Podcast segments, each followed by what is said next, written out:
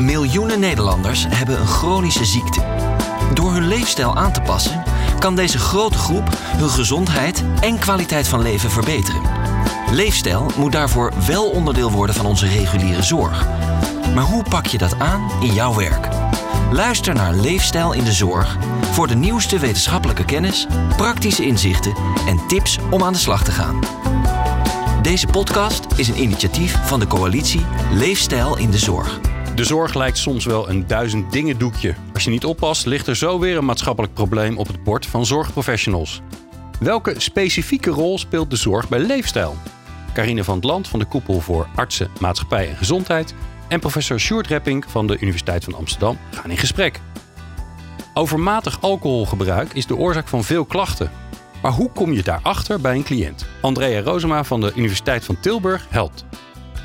Leefstijl heeft een grote invloed op gezondheid. Om leefstijl als medicijn te gebruiken vraagt om bewijs van effectiviteit. Wat is bewezen effectieve zorg? Professor Sjoerd Repping van de Universiteit van Amsterdam legt het duidelijk uit. Maar eerst, je gaat naar de bakker voor brood, de schoenwinkel voor schoenen en je gaat naar de apotheek voor medicijnen. Maar hoe zit dat bij leefstijlapotheker Ellen Willemsen? Krijg je bij haar apotheek een wandeladvies in plaats van een potje pillen? We trappen deze aflevering af met haar column. Leefstijl in de Zorg met Glenn van den Burg. Uitgesproken door Ellen Willemsen. Aan de overkant van het veld waar ik vroeger buiten speelde, lag het nieuwe winkelcentrum. De eerste winkel die je er tegenkwam, was de apotheek. De eerste keer dat ik er binnenliep, ik zal een jaar of zeven zijn geweest, was ik al verkocht. Ik besloot ter plekke dat ik later in een apotheek wilde werken. Op mijn achttiende begon ik aan de studie farmacie in Utrecht en zeven jaar later, in 2000, behaalde ik mijn apothekersdiploma. Al snel voerde ik in mijn opleidingsapotheek medicatiebewaking en extra controles in, ter verhoging van de patiëntveiligheid. En we deden mee aan de farmaceutische patiëntenzorgprogramma's van de franchiseketen, die zijn tijd toen ver vooruit was. Het was de tijd van de opkomst van de preventieve medicatie. Maagzuurremmers, raasremmers, cholesterolremmers, de originele merken. Nederland werd gemarineerd in deze middelen. De patenten verliepen en mede door het ambitieuze preferentiebeleid zakten de prijzen van generieke medicatie tot die van pakjes kauwgom. Er waren weinig belemmeringen voor het voorschrijven en geen financiële redenen om stoppen te stimuleren. Maar mensen willen meestal niet meer pillen. Maar ja, het gaat over je gezondheid, de dokter zegt dat het nodig is en daar ga je als patiënt niet tegen in. En bovendien, de dokter heeft het al zo druk. En gezond zijn willen we tenslotte allemaal. Maar mensen knappen niet op van tig pillen per dag gedurende vele jaren. Bij mij knaagde het. Wij apothekers controleren bij ieder recept of de juiste patiënt het juiste geneesmiddel krijgt in de juiste dosering, op het juiste moment en in de juiste combinatie met andere aandoeningen of middelen. Maar in hoeverre zijn klachten eigenlijk bijwerkingen? Wat is er bekend over het slikken van zoveel pillen tegelijk? Welk bewijs is er voor lange termijn veiligheid? In hoeverre hebben patiënten een keuze voor niet of beperkt behandeld worden? En de farmaceutische industrie keurt nog steeds zijn eigen vlees. Het scheelde niet veel of ik was gestopt. Maar door me te verdiepen in voeding en leefstijl gingen er in mijn hoofd weer luikjes open. In 2019 stond ik aan de wieg van de leefstijlapothekers. Een groeiende beweging van apothekers met als motto: zo gezond mogelijk met zo min mogelijk medicatie. Met aandacht voor preventie en leefstijl. De apotheek, het gezondheidshuis in de wijk, bevindt zich op het interessante kruispunt van medicatie en zelfzorg. Hoe zou het zijn als apothekers hun kostbare tijd ook kunnen inzetten voor gezondheidschecks, zinnige afbouwbegeleiding, voor evaluatie van proefstops en voor een gewoon gesprek van mens tot mens. Want aandacht is een passend medicijn dat je nooit hoeft te demedicaliseren. Gezonder leven door leefstijl in de zorg. In de studio Carine van het Land, voorzitter van de Koepel voor Artsen, Maatschappij en Gezondheid. En Sjoerd Repping, hij is voorzitter van het programma Zorgevaluatie en Gepast Gebruik. En hoogleraar Zinnige Zorg. Dat klinkt al heel mooi, eh, aan de Universiteit van Amsterdam. Fijn dat jullie er al bij zijn, Carine en Sjoerd. Ehm, ja, eerst maar even naar de column van Ellen. Wat, uh, wat is er blijven hangen, uh, Carine, bij jou? Nou, ik hoor Ellens passie. Ik hoor hoe ze begaan is met, met, uh, met haar vak, met haar werk. En ook hoe ze eigenlijk nieuwe vergezicht aan het, aan het exploreren is. Ja, en echt ernstig in de praktijk dit natuurlijk. Hè? Ja. Dit is niet achter een, achter een beleidstafel, maar dus dit is gebeurt gewoon. is aan het ontdekken. En, en ja, bij mij, weet je, ik ben artsmaatschappij en gezondheid. Hè? Dus ik heb me bezig gehouden met het zorgstelsel vanuit de zorgverzekeraar, maar ook als jeugdarts. Dus uh, ja, je hoort eigenlijk dat er nieuwe functies en, en nieuwe zorgideeën worden ontwikkeld. Ja. En dat, dat heeft ook hele ingewikkelde kanten, denk ik. Ja, nou daar komen we Ja. zo vast nog op. Sjoerd, uh, hoe, hoe, hoe, hoe reageer jij op die column? Ja, nee, nee heel, heel mooi. Omdat het vanuit bevlogenheid en persoonlijke gedrevenheid komt. Dat is altijd goed. En ik, ik hoor er ook een soort, uh, ja, een soort hoop die je had toen je apotheker werd. Uh, en dat je patiënten zou kunnen helpen. En dat er allerlei dingen komen, pillen op de markt. En dat je er misschien gedurende je leven achter komt dat die pillen helemaal niet zo zinvol zijn voor mensen vaak. Uh, en dat je er dan achter komt dat het systeem misschien helemaal niet helpt om te stoppen met medicatie waar patiënten niks aan hebben. En dat je dan op zoek gaat naar, uh, ja, hoe kan ik dat dan toch voor elkaar krijgen? Want uiteindelijk wil ik iets doen waar patiënten wat aan hebben. Ja. Uh, en dat kan heel vaak ook zijn het niet gebruiken van medicatie, of het juist afbouwen van medicatie, of juist het focussen op hele andere dingen uh, dan medicijnen, namelijk voeding of beweging of andere dingen. Dus Ja. het is ook een gedrevenheid vanuit de professional om dat te doen wat voor patiënten goed is. Carine, je had het al even erover, over jouw rol. Hè? Uh, de koepel voor artsen, maatschappij en gezondheid. Welke rol spelen jullie bij die leefstijl in de zorg? Nou, artsen, maatschappij en gezondheid zijn de artsen buiten het ziekenhuis. Die werken aan preventie en aan gezondheid, zoals jeugdartsen, artsen infectieziektebestrijding, ook medische adviseurs bij, uh, bij zorgverzekeraars bijvoorbeeld. Um, dus ja, we weten veel van gezondheid, we weten veel van preventie en we weten veel van het zorgsysteem. Dus op die manier kunnen we meehelpen, meedenken en ook meer richting geven. Ja, maar uh, jij zegt buiten het ziekenhuis, niet de huisartsen denk ik dan, hè? Die Nee. zitten niet bij jullie. Dus Nee. het zijn eigenlijk iedereen die tot op arts opgeleid is, maar die niet daadwerkelijk in de, in de huisartsenwereld zit of, uh, of in het ziekenhuis. Ja, ingewikkeld is het, Glenn. Ja, nee, Dat- daarom. Ik, pro- probeer het al te snappen. Nee, want er zijn ook nog bedrijfsartsen. Ja. En dat zijn geen artsen, maatschappij en gezondheid. Aha, Ja, Aha, dus oké. eh, artsen, maatschappij en gezondheid werken veel bij GGD'en, moet je je voorstellen. Of bij thuiszorgorganisaties die jeugdgezondheidszorg aanbieden. Oké. En er zijn ook nog verzekeringsartsen in de sociale geneeskunde. Dus dan heb je eigenlijk de hele familie van de sociale geneeskunde, waar wij een deel van zijn. Ja, en jullie hebben natuurlijk ook weer heel veel invloed op wat er dan allemaal gebeurt rondom eh, cliënten, mensen die ja, zorg nodig hebben. Ja, absoluut. Alright. Uh, Sjoerd, eh, we hebben het al even genoemd. Het programma Zorg, Evaluatie en Gepast Gebruik. Wat, wat is het doel van dat programma? Ja, het doel, doel van het programma ZEG, zoals wij zeggen, dat is al wat korter, is om te zorgen dat de zorg die geleverd wordt eh, in de medisch specialistische zorg, dus dat zijn eh, zorg die verleend worden in ziekenhuizen of klinieken, dat die bewezen effectief is. Dus dat je zorg levert waar patiënten wat aan hebben. Eh, en dat je er ook voor zorgt dat als we nog geen kennis hebben over die effectiviteit, of er zijn twee vormen van behandeling, dat we ook het juiste onderzoek doen om te kunnen aantonen welke behandeling dan wel en welke niet effectief zijn. Oké. En dat doen we dan in opdracht van al die zorgpartijen. Dus dat zijn de artsen, maar ook de verpleegkundigen, de, de ziekenhuizen, de klinieken, de verzekeraars, de patiënten, de overheid. Met iedereen. Omdat iedereen er inmiddels wel achter is dat je dat niet in je eentje kan. Dus hoe zorg je er met z'n allen voor dat dat ook de richting wordt voor de toekomst? Ja. En kijken jullie dan ook naar de kosten die erbij zitten? Of kijken jullie alleen maar naar, heeft het heeft het, het gewenste effect? Dus de primaire drijfveer is om dingen te doen waar patiënten wat aan hebben. En, en kosten en vooral ook arbeidsinzet en tegenwoordig gelukkig ook duurzaamheid zijn wel allemaal onderdelen van de afweging. Dus iets moet in eerste plaats effectief zijn. Nou, daar valt eigenlijk al best wel veel af of daar worden al veel keuzes gemaakt.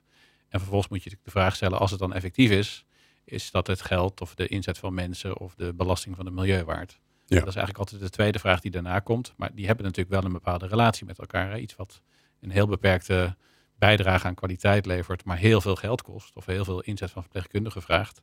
Ja, daar moet je je ook van afvragen of dat dan wel zinvol is om die verpleegkundigen daaraan te besteden of te besteden aan iets heel anders. Ja, ja dus dit, zeg maar de, de schaarste gedachte dat we niet alles kunnen omdat we de mensen niet hebben, maar ook het geld er gewoon domweg niet is als we uh, doorgaan, die zit er ook achter. Zeker, ja. Ja. Nou is het wel interessant, uh, want we hebben het over uh, leefstijl in de zorg um, en niet vanuit de zorg. Wat is het verschil eigenlijk, Karine? Hoe, kijk jij daarnaar? Nou, ik zou het heel mooi vinden als uh, leefstijl uh, ook van, vanuit de zorg goed wordt geregeld. En ik denk zelf dat dat een belangrijke eerste stap is. Want er komen natuurlijk ontzettend veel mensen elke dag weer bij zorgverleners in, in het ziekenhuis, buiten het ziekenhuis. die, uh, nou, misschien dat, dat hun aandoening niet genezen wordt of sterk verbeterd door leefstijl. Maar waarschijnlijk hebben ze wel een beter leven. Dat, en dat kun je mensen dan bieden. Dus het zou heel mooi zijn om dat vanuit de zorg goed te kunnen regelen. Ja. En tegelijkertijd is het natuurlijk zo dat je hoopt. Ja, ik ben niet voor niets, heb ik als jeugdarts gewerkt hoe eerder we beginnen daarmee en hoe eerder mensen, uh, ja, als ze dat willen, aan hun gezondheid kunnen werken op een goede manier, hoe meer effect we hebben. Ja, Sjoerd, het gevaar is een beetje dat, dat noemde ik al helemaal even aan het begin van, de, van, dit, van deze podcast ook. Ja, het gevaar is een beetje dat, oh, leefstijl, oh, dat kan de zorg wel mooi oplossen.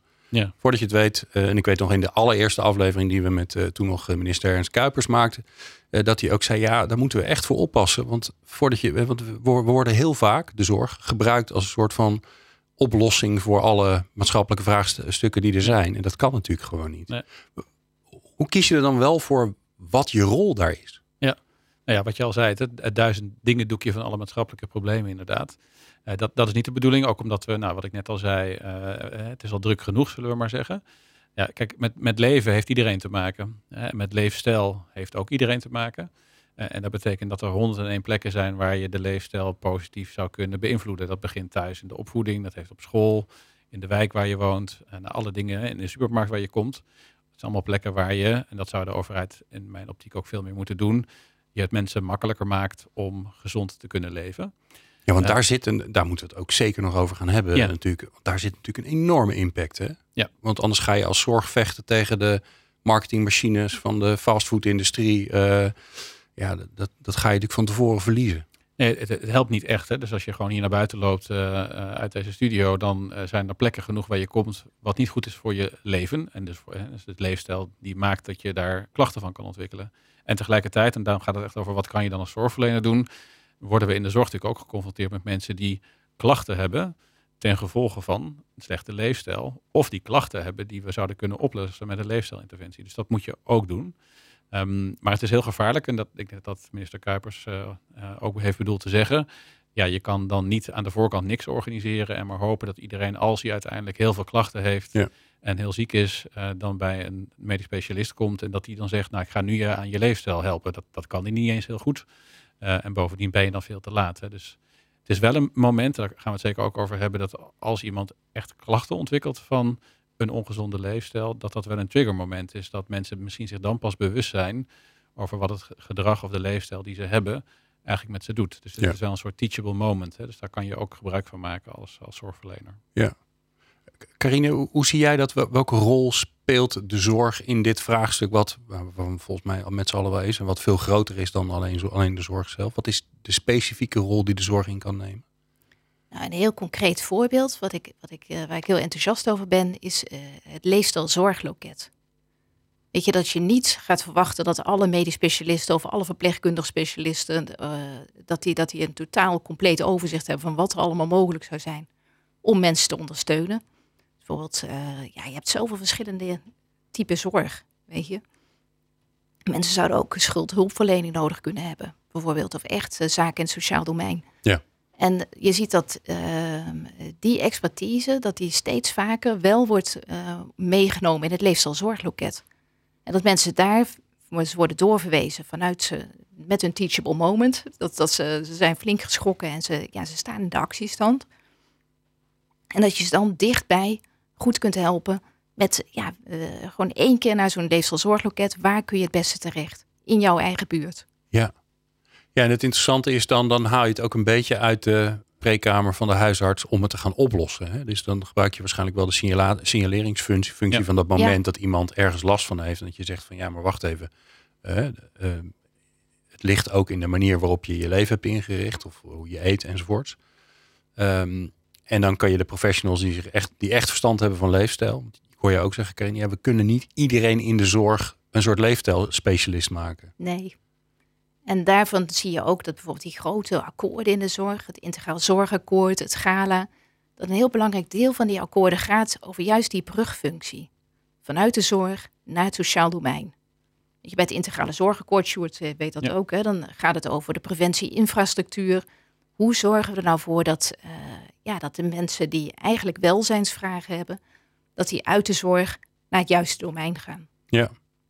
Nou, ehm, ehm, hebben we, eh, doe ik ook de podcast van Lifestyle for Health. Dus beste luisteraar, als je meer wil luisteren, dan kan je daar ook prachtige podcast luisteren.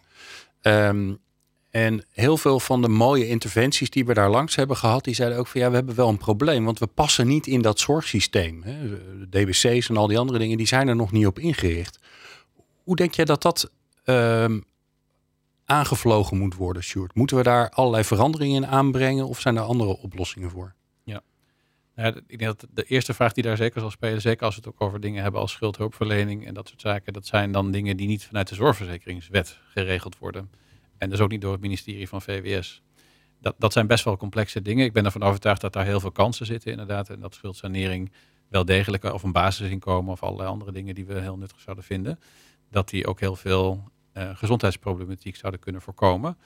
Maar dan krijg je een soort rare discussie. Dat, uh, dat is eigenlijk heel gek dat een ziekenhuis dan geld uitgeeft uh, om de schulden van patiënten op te lossen. Dat, dat gaat denk ik niet gebeuren.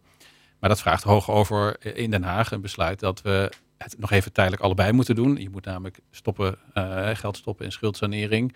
Niet om morgen te besparen, dat gaat ook helemaal niet. Het doel moet ook niet besparen zijn. Maar dat je daardoor dus meer gezondheid kan creëren. Maar dat is een uitgave van een ander departement dan VWS. Ja.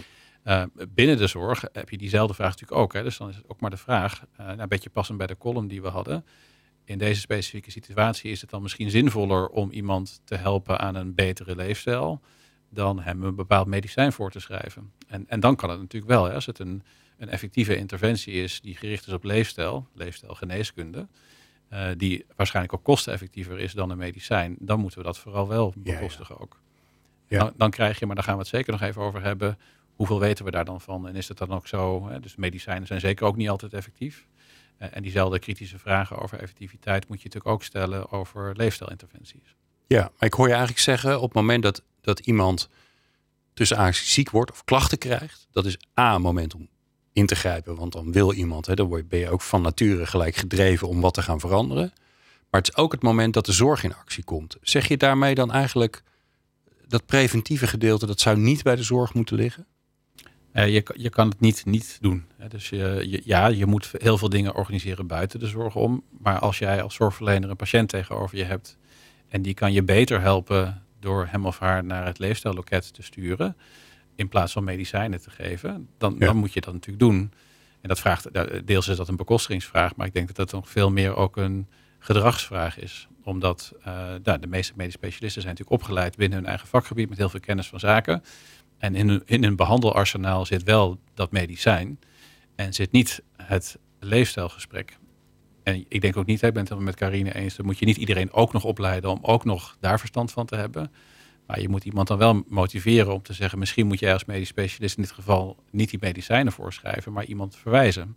En dat vraagt ook echt een gedragsverandering van de betrokken specialist. Ja. Moet je iets anders doen. Ja.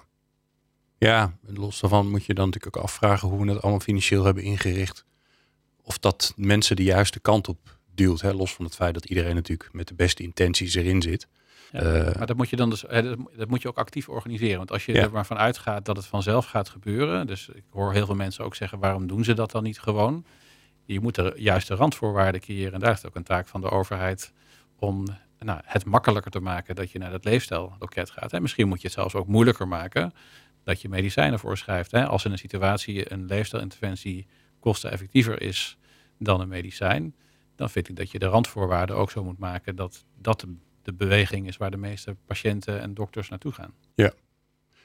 Karin, dat klinkt best wel complex. Hè? Dus uh, in de zorg zelf zijn er al zoveel verschillende partijen die bezig zijn. En nu zeggen, zeggen we eigenlijk van ja, we moeten ook partijen daarbuiten in het sociale domein erbij betrekken. Uh, om aan naar door te verwijzen. Bij elke doorverwijzing denk ik ook van ja, dan is er ook een kans dat mensen niet gaan. Dat is ook wel een gevaar, een gevaarlijk moment. Hoe gaan we ervoor zorgen dat, dan, dat het een beetje goed gaat samenwerken met elkaar? Ja, dat is dus echt een uitdaging. En zo net zei ik ook naar aanleiding van de leestelapotheken van goh, weet je, er borrelen wel allerlei vragen van ingewikkeld op. Dat ik denk, jeetje, weer, weer iemand die zich tegenaan gaat bemoeien en van alles vindt en gaat doen. En, en hoe gaat dat samenwerken? Dus dat, uh, is een ding. En misschien om het nog complexer te maken. Wat ik ook heel graag zou willen benadrukken, is dat mensen zelf zoveel kunnen. Weet je, heel veel leefstijl. Uh, mensen gaan ook naar de kapper, doen ze ook helemaal zelf. Het is misschien een beetje banaal, maar heel veel mensen hebben hun leven best goed op orde en kunnen dus ook naar de Ja. sportschool, eh, daar plezier in maken, leuke dingen uitkiezen die bij ze passen. Ehm, ja, een eigen stijl van voeding zoeken. eh, eh, noem maar op. En als je wat verder doortrekt, dan zie je bijvoorbeeld ook de zorgzame buurten opkomen. Waar mensen ook echt hun, hun leven, hun zorg in eigen hand nemen. Ja. En ik denk dat dat ook belangrijk is om onder ogen te zien. Dat, eh, ja, dat mensen ook veel zelf doen, veel zelf kunnen. En dat, we, dat het ook een belangrijke taak is voor eh, zorgverleners, voor, eh, voor de overheid. Om op een gegeven moment ook met je hand op je rug te gaan staan kijken. En denken, nou, dit is gewoon mooi. Weet je, dit gaan we ondersteunen, dit gaan we helpen. We gaan zorgen dat dit groot wordt. Ja, d- daar hoor ik ook al vaak toch wel een beetje twee stromingen. Hè? Dus enerzijds kun je natuurlijk, ja, uiteindelijk bepaal je zelf wat je met je lijf doet. Hè? Of je gaat wandelen of dat je op de bank gaat zitten. Of je inderdaad s'avonds om eh, tien uur nog een eh, rol koekjes naar binnen werkt, zeg ik tegen mezelf. Eh, of dat je dat niet doet. En dat is de ene stroming. Je hebt ook een stroming die zegt, ja, maar weet je, de omgeving, het systeem. Kun je naar buiten in een stad? Kun je wandelen? Is, hè, is dat uitnodigend? Als dat allemaal niet zo is, Ja, dan verwachten we misschien ook wel te veel van mensen eh, om het allemaal zelf te doen. En het zijn een beetje. Ja, dat is een volgende. Weet je, als je kijkt naar de mensen die hun leven goed onder, onder controle hebben en die dus naar de kapper gaan en tegelijkertijd ook best hun, hun leefstijl in eigen hand kunnen nemen, ja, dat is mooi. Weet je, en daar moet je dan ook verder niks meer aan doen. Maar er zijn natuurlijk ook inderdaad, wat je aangeeft, groepen die juist het van een, een stimulerende omgeving, een steunende omgeving moeten hebben. Ja. Dus eh, zo'n zo'n 15% van de bevolking, als je kijkt naar het Sociaal Cultureel Planbureau. Ja, die- dat zijn de mensen die echt steun nodig hebben. En het is ook slim dus om daar onderscheid in te maken en daar dan ook echt naar te kijken. Ja. Maar wel weer, denk ik, eh, dat daar een, een eh, nou ja, zo noemen we dat in mijn vakgebied, een collectieve benadering daarbij past. Dus eigenlijk eh, passende populatiezorg, Sjoerd. Dat is een term. Passende waar- populatiezorg. Ja, passende populatiezorg. Oh, dat zijn maar veel P's. Dus je hebt, dat is mooi. je hebt populaties, Ja, ja, je hebt groepen. En ook daar willen we graag samen beslissen met die groepen. We willen graag dicht bij mensen thuis aanbieden, oplossingen aanbieden. En we willen graag doen wat werkt. Weet Ja. je, dus als je eigenlijk die principes van passende zorg, dat je die op populaties en niet poppetje na poppetje na poppetje na poppetje, dat iedereen weer individuele oplossingjes krijgt. Ja. ja, dat zou mooi zijn, maar dat klinkt inderdaad duur en ingewikkeld. Ja. Ja? Ik, vind het nog wel, kijk, ja, ik, ik, ik kan gewoon sporten. eh, want ik kan de tijd vrijmaken om het te doen. Ik kan de sportmiddelen betalen. Eh, ik regel dat. Ehm, maar dat is echt niet het goede woord. Ik ben, ik ben in staat om het te regelen. En juist bij nou ja, mensen in de samenleving die twee banen hebben om überhaupt rond te komen. Die wonen in een wijk die per definitie niet gezondheidsbevorderend is. Die niet eens de, eh, ja, eh, de, de mogelijkheden hebben om dat allemaal te kunnen organiseren. Ja, tegen die mensen zeggen, ga gezonder leven. Ja. Terwijl ze eh, ja, naar de supermarkt gaan en het kopen wat ze kunnen kopen, omdat het in de aanbieding is en waarschijnlijk dus niet gezond. En omdat ze het kunnen maken, dat, daar zit natuurlijk ook nog een ding. dus dit- dat, dat gaat niet. Hè? Dus dat, dat, daar moet je als samenleving. Maar goed, dan hebben we een soort fundamenteel gesprek over wat we vinden, wat de samenleving zou moeten organiseren. Ik vind dat de overheid dat compleet heeft nagelaten en daar moet je op, op focussen. Maar goed, het is, dat, dus dat is een heel belangrijk onderdeel, want, want dat kan je helemaal niet aan heel veel mensen vragen. Die kunnen dat helemaal niet. Ja, de gefortuneerden kunnen het organiseren en de anderen niet. Kijk, de, dat, dat, dat het niet makkelijk is, ja, dat, dat, weten we ook. Hè. Dus de makkelijke problemen, die hebben we al lang allemaal opgelost. Of hoeven geen podcast over te maken. Ja. Eh, dus eh, iedereen wil de verandering. Dat is ook niet de discussie. Maar niemand wil veranderen. Hè, dus wat je vaak ziet in dit soort discussies, is dat iedere partij zegt, ja, dan moeten de verzekeraars maar de bekostiging regelen. Of dan zeggen de verzekeraars, Ja, ja, ja. maar dan moeten de, de mensen van de medische professies maar de goede richtlijnen maken. En die zeggen, ja, dat kan wel, maar dan moeten ziekenhuizen allemaal een leefstijlloket hebben. En dan zeggen die, ja, maar dan moeten over. Dus, dus wat iedereen doet, is de hete aardappel aan elkaar doorschuiven. Ja. Dat helpt niet. Eh, Dus, eh, Maar eh, zullen we dat dan eens even doorbreken? ja, Eh, nou, we- mooi. de mensen luisteren naar deze podcast. Die luisteren niet naar deze podcast omdat ze denken leefstijl, daar geloof ik niet in. Eh, ze hebben er wat mee. Zijn erin geïnteresseerd. Misschien vinden ze het wel super tof. Of ze zijn al een leefstijlapotheek begonnen. Dat kan ook nog. Wat zou je ze adviseren? Wat kunnen ze gewoon doen? Zodat er, want dat is wat er nodig is. Er moet gewoon, ja, er moet gewoon, mensen moeten gewoon wat gaan doen. Ze moeten de richtlijn aanpassen of nou, Ja. enzovoorts. Nou ja, ze moeten die vraag beantwoorden die jij nu stelt. Dus eh, wie ben ik? En als ik een zorgverlener ben eh, en je bent een apotheker, dan kan je voorbeeld nemen aan de column die we vandaag hadden. Het systeem werkt niet mee, maar ik ben er klaar mee. Ik ga in doen wat in mijn eigen mogelijkheden ligt. Eh, maar dat geldt ook als je een verzekeraar bent en dat geldt ook als je in een raad van bestuur zit. Heel veel dingen hebben ook al best wel effect. Hè? Ook al heeft niemand de alleenmacht in ons stelsel. Dingen hebben echt ook een effect als je zelf het goede voorbeeld geeft. En, en ik denk nog los daarvan, dat gaat dan over je praktijk als zorgverlener of als verzekeraar of als bestuurder of wat dan ook. Ik denk ook dat wij vanuit de zorg misschien nog wel wat meer ons best mogen doen. Niet voor die individuele patiënt die we elke dag zien, maar gewoon voor de samenleving. Dus de samenleving vaker vertellen wat wij elke dag zien in het ziekenhuis. Aan het einde van een traject waarin iemand een slechte leefstijl heeft gehad. Uh, Ja. Ik denk dat veel beleidsmakers ook echt hulp zouden kunnen hebben. En er zijn heel veel mooie verhalen van mensen die dat doen. Ik, ik ben altijd enorm fan van Wanda de Kanter bijvoorbeeld. Die, die heeft gewoon de eigen baan als longarts opgezegd om te zeggen... ik ga gewoon mijn strijd voeren tegen de tabakindustrie. Dat heeft ook een enorme impact. En dat kunnen we ook vragen aan zorgverleners. En dan niet op de podium, maar gewoon op andere momenten. Of daar moet je tijd voor krijgen van je baas. Gewoon naar buiten toe uitstralen dat de samenleving iets anders moet doen... om te voorkomen dat ja, uiteindelijk je toch bij die internist terechtkomt... waar je natuurlijk helemaal niet wil zijn. Carine, lekker concreet. Waar, waar- wat, wat zou je de luisteraar mee willen geven? Een van de dingen die, die we nog niet hebben besproken is eigenlijk de macht van grote bedrijven.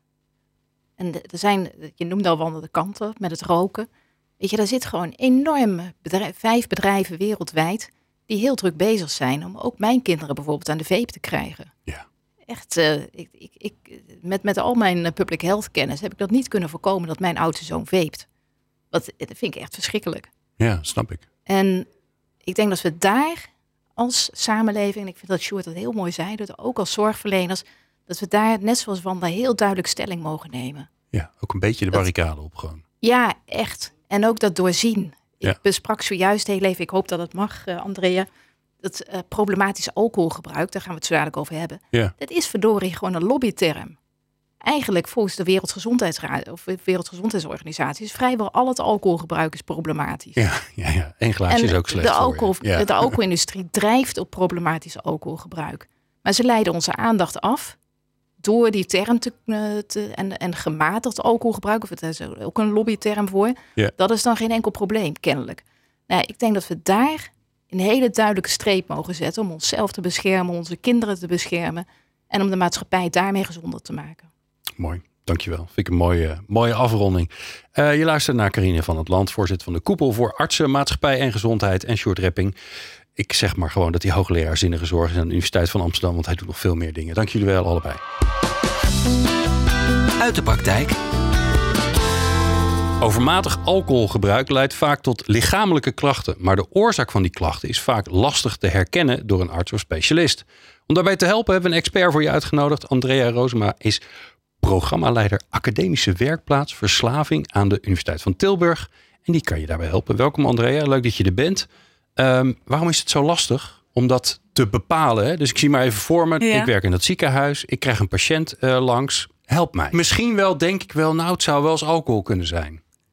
Ja, nou, dat is eh, leuk om te vertellen. Wij hebben een eh, website bij het SVA, dat is herkenalcoholproblematiek.nl.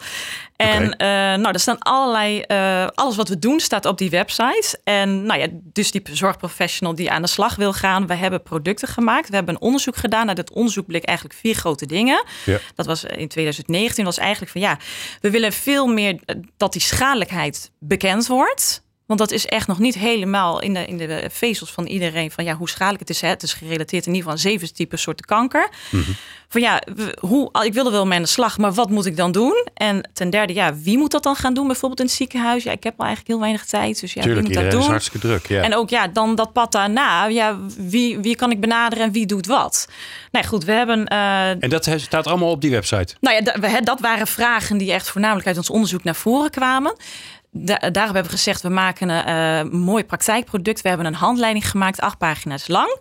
Ehm, en er werd ook gevraagd, heb je ook een samenvatting van die eh handreiking? Nou ja, goed. veel te veel. Dat is heel lang. We hebben ook Oh, een je hebt zakkaart een gemaakt. Ja, voor de luisteraars thuis ga ik even beschrijven wat je hier ziet. Hij is gespecificeerd. Altijd Hij past handig, precies in de zak van een arts of van een verpleegkundige in het ziekenhuis. Kijk, Nou ja, op de voorzijde zie je een plaatje van eh, het menselijk lichaam en ook alle, eh, ja, waar alcoholgebruik allemaal mee samenhangt met Ja. bekende fysieke zonder aandoeningen. benen. Hè? Dus de benen hebben geen last van Nee, de benen hebben geen last van, Ja. nou ja, goed, hè. ehm, allerlei soorten kanker, hart- en vaatziekten, maar ook de mentale problemen. In de GGZ-zakkaart richten op de mentale problemen. Dit kaartje moet op een bierflesje. En eh, nou ja, de achterzijde zie je heel mooi ons zorgpad die eh, zorgprofessionals kunnen gebruiken. En dit is die van de ziekenhuizen. Die bestaat uit vier stappen. Hè, dus dan dat ja, gewoon een soort, ik zie een diagrammetje. Ik probeer een het flowchart. Een flowchart, ja, precies. Met verschillende kleurtjes. En je ziet dus hier in stap 1. De patiënt die komt binnen in jouw spreekkamer. En inderdaad, dus zelf ook al net Ja. nog even. Hoe begin je dan dat gesprek? Geef je hier tips voor in dit boxje. Nou ja, het liefst eh, stel je drie korte vragen. En daarmee weet je hoe het is gesteld met Nou, doe ze maar, want dan hebben we een begin. Oh ja, nee, die staan hier dan eh, weer niet op. Maar hier wel. Oké. dat is de audit C. Die staat alweer een uitgebreide handreiking. Ja, die zijn Oh, best heel goed. lang en dat is Ja, misschien ook een beetje saai. Dat past niet op het kaartje. moest een beetje beperkt blijven. Nou ja, afhankelijk van die score van die drie eh pre-screening vragen ga je dus door naar stap 2. Volledige screening, dat zijn 10 vragen. Dus 7 extra vragen. Nou, afhankelijk daarvan, van die score, kan je dus iemand indelen van, hè, eh, is dit matig, eh, ernstig of heel ernstig? Ja. En afhankelijk daarvan kan je dus een kortdurende interventie doen. Dat is stap 3. En dat kan bestaan bijvoorbeeld uit eh, motiverende gespreksvoering toepassen, eh, een foldertje meegeven. ehm, maar ook bijvoorbeeld, we hebben eh, vanuit het SVA hebben we ook een prachtig, die wil ik ook even onder aandacht brengen, een prachtige website allesoverdrinken.nl. Dat is de website voor cliënten, voor eh Oké, die kun je, Ja. oké, daar kun je Ja. zeg maar je, je cliënt of je patiënt naar doorsturen. Juist. Heel laagdrempelig. Dus elke professional kan gewoon al in de spreekkamer, als hij vermoedt van hey, deze perso- persoon heeft misschien wel alcoholproblematiek, heel gemakkelijk doorverwijzen. Oké. De verslavingszorg heeft eh, in de regio hebben ze natuurlijk allerlei verschillende behandelingen. Dat is nu voor het eerst landelijk allemaal gecentraliseerd in deze website. Eh, iemand die kan die, eh, naar die website toe gaan, een paar vragen invullen en dan word je eh, automatisch toegeleid naar een passende interventie. Dus heel laagdrempelig. Dus als je niet weet wat, als arts wat je moet doen, dan kan je daar dus naar verwijzen. Dat is dus die kortdurende interventie. We gaan En- niet het hele kaartje af. Hè, nee, stap nee, 4 dat is alleen nog doen. doorver, nee hoor, dat is alleen nog doorverwijzen naar gespecialiseerde eh, behandeling. Hè? Dus naar bijvoorbeeld de verslavingszorg psychiatrie. Ja, maar Ja. Daar, daar hoor ik je dus ook achter zeggen.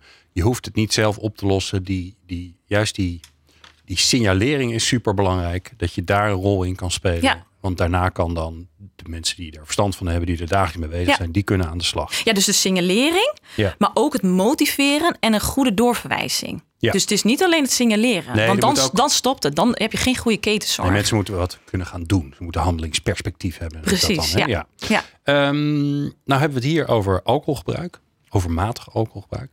Ehm, wat kunnen de andere leefstijlthema's nou leren van wat jullie ondertussen allemaal ontwikkeld hebben, bedacht hebben, eh, drempeltjes waar jullie over gestruikeld zijn? Ja, nou, ehm, ik denk dat het hele belangrijk is om te gaan samenwerken. Ehm, en dat zie je ook bij, eh, we volgen ook verschillende projecten. En je ziet heel erg bijvoorbeeld één ziekenhuis die heeft netwerkzorg opgericht. En eh, twee keer per week komen allerlei mensen in de regio van verschillende expertises en disciplines. Die komen bij elkaar. Het is het Jeroen Bos ziekenhuis. En die komen bij elkaar en die eh, eh, bespreken patiënten met, met een verhoogde score op die screening. Die bespreken ze. Dus, hè, dus even om, een heel concreet, om het heel concreet even te maken. Hè. Iemand die komt binnen in het ziekenhuis, wordt behandeld. Ehm, maar daarna, na ontslag, misschien eh, is hij eh, opgenomen geweest twee of vijf dagen. Maar daarna keert hij weer terug naar huis, naar een koelkast vol met bier. En verzandt dan ook weer in zijn gewoontegedrag. Nou, dat wil je dus echt voorkomen. Nou, dus eh, door twee keer wekelijks met allerlei netwerkpartners samen te zitten. Nou, daarbij kan je denken aan mensen vanuit het ziekenhuis. Dus de, bijvoorbeeld de verpleegkundige, maar ook de medisch maatschappelijk werker.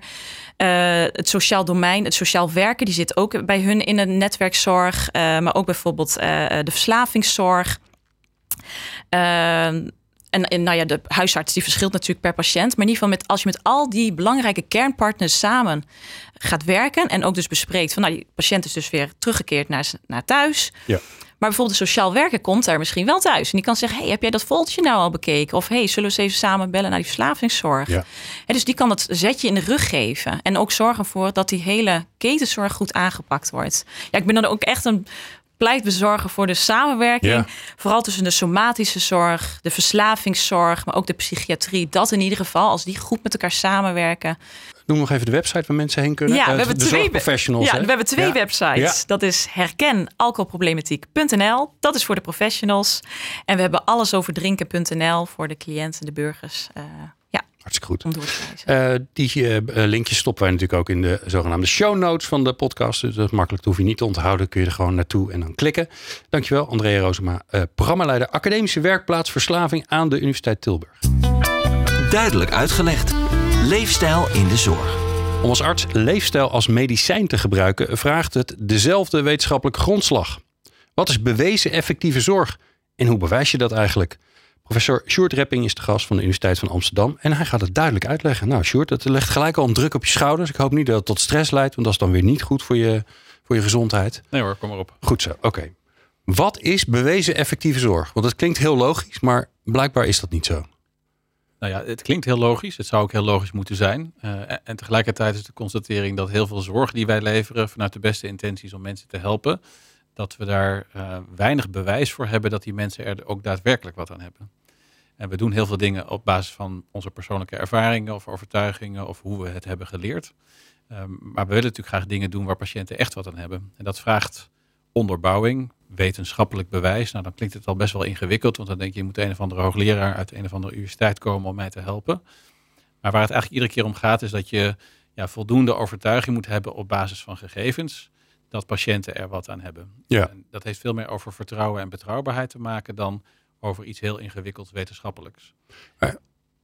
In mijn, um, um, hoe ik zeg maar naar de zorg kijk, denk ik van ja, alle medicijnen die ervoor geschreven worden, die moeten allemaal door een heel uitge uitgebreid en ingewikkeld testproces en met blinde, nou ja, allemaal wetenschappelijk onderbouwd en dan niet en bij veel mensen. Dus als het bij weinig is, dan telt het dan niet. En dan moet de FDA en dan moet iedereen moet, moet daar zijn stempel op zetten. En dat is een traject van jaren en jaren. Dan is het toch bewezen, zou je zeggen? Ja, dat zou je misschien wel zeggen. Nou, voor de medicijnen hebben we denk ik nog het beste geregeld. Maar, maar zelfs bij medicijnen is het zo dat dat natuurlijk moet voldoen aan allerlei criteria. Het gaat met name ook om veiligheid om op de markt te komen. Uh, het moet ook werkzaam zijn.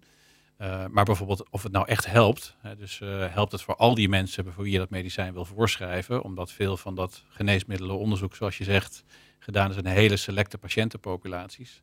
Ja, ja. Die meneer of mevrouw die dan tegenover jou zit, die misschien toch net even iets anders is. Of nog allerlei andere klachten heeft of net ouder is.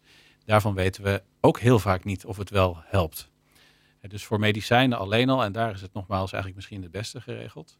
Maar dat is maar een heel klein deel van de zorg. Hè. Als je het over alle andere dingen van de zorg hebt, opereren, diagnostische testen, controle, bezoeken, allerlei verpleegkundige handelingen. Daar blijkt van dat we dat maar in een heel beperkt deel doen op basis van goed bewijs. Oké. Okay. En uh, ja, daar ligt een enorme uitdaging. Want ja, waarom zouden we dat dan blijven doen? Hè? Kan je ook zeggen, en er zijn ook heel veel mensen, stop daar daarmee. Dat, dat, dat is ook onverstandig. Hè? Dus je moet eigenlijk gewoon meer data hebben, meer bewijs hebben om te kunnen vaststellen of het bewezen effectief is. Ja. En hoe bewijs je dat dan? Nou, dat, dat gaat heel vaak over het doen van onderzoek. En nogmaals, die woorden die klinken, als ik het ook tegen mijn vrienden zeg die niet in de wetenschap zitten, dan die denken er meteen dat ze het niet gaan begrijpen. Maar, maar eigenlijk is het heel vaak heel makkelijk. Hè? Dus als je bijvoorbeeld, uh, nou, we, hebben een medicijn en we hebben een, een leefstijlinterventie. En de vraag is, is die leefstijlinterventie beter voor patiënten dan het medicijn? Nou, wat je dan vaak zal moeten doen, is een groep patiënten aan wie je dat zou willen voorschrijven, dat je de helft van die patiënten medicijn geeft en de helft van de patiënten geef je de leefstijlinterventie. Je stelt met patiënten van tevoren vast wat de relevante uitkomsten zijn, kwaliteit van leven of allerlei andere vormen van dingen die voor patiënten belangrijk zijn. En dan kijk je naar verloop van tijd in die twee groepen wat het effect ervan is. Okay. Dat heet dan wetenschap. Maar ja, ik zeg wel eens heel oneerbiedig, ja, iemand randomiseren en gegevens noteren is niet per se heel moeilijk. Maar het geeft dan wel een hele grote mate van betrouwbaarheid. Of in dit geval je dus misschien wel de voorkeur zou moeten geven aan een leefstijlinterventie in plaats van een medicijn. Ja, en ik hoor je eigenlijk zeggen, dat soort onderzoek moet gewoon veel meer gedaan worden, want we weten nog te weinig. Nou, eigenlijk wat je zou moeten zeggen, het woordje onderzoek gebruik ik zelf bewust soms niet. Ik noem het dan zorgevaluatie.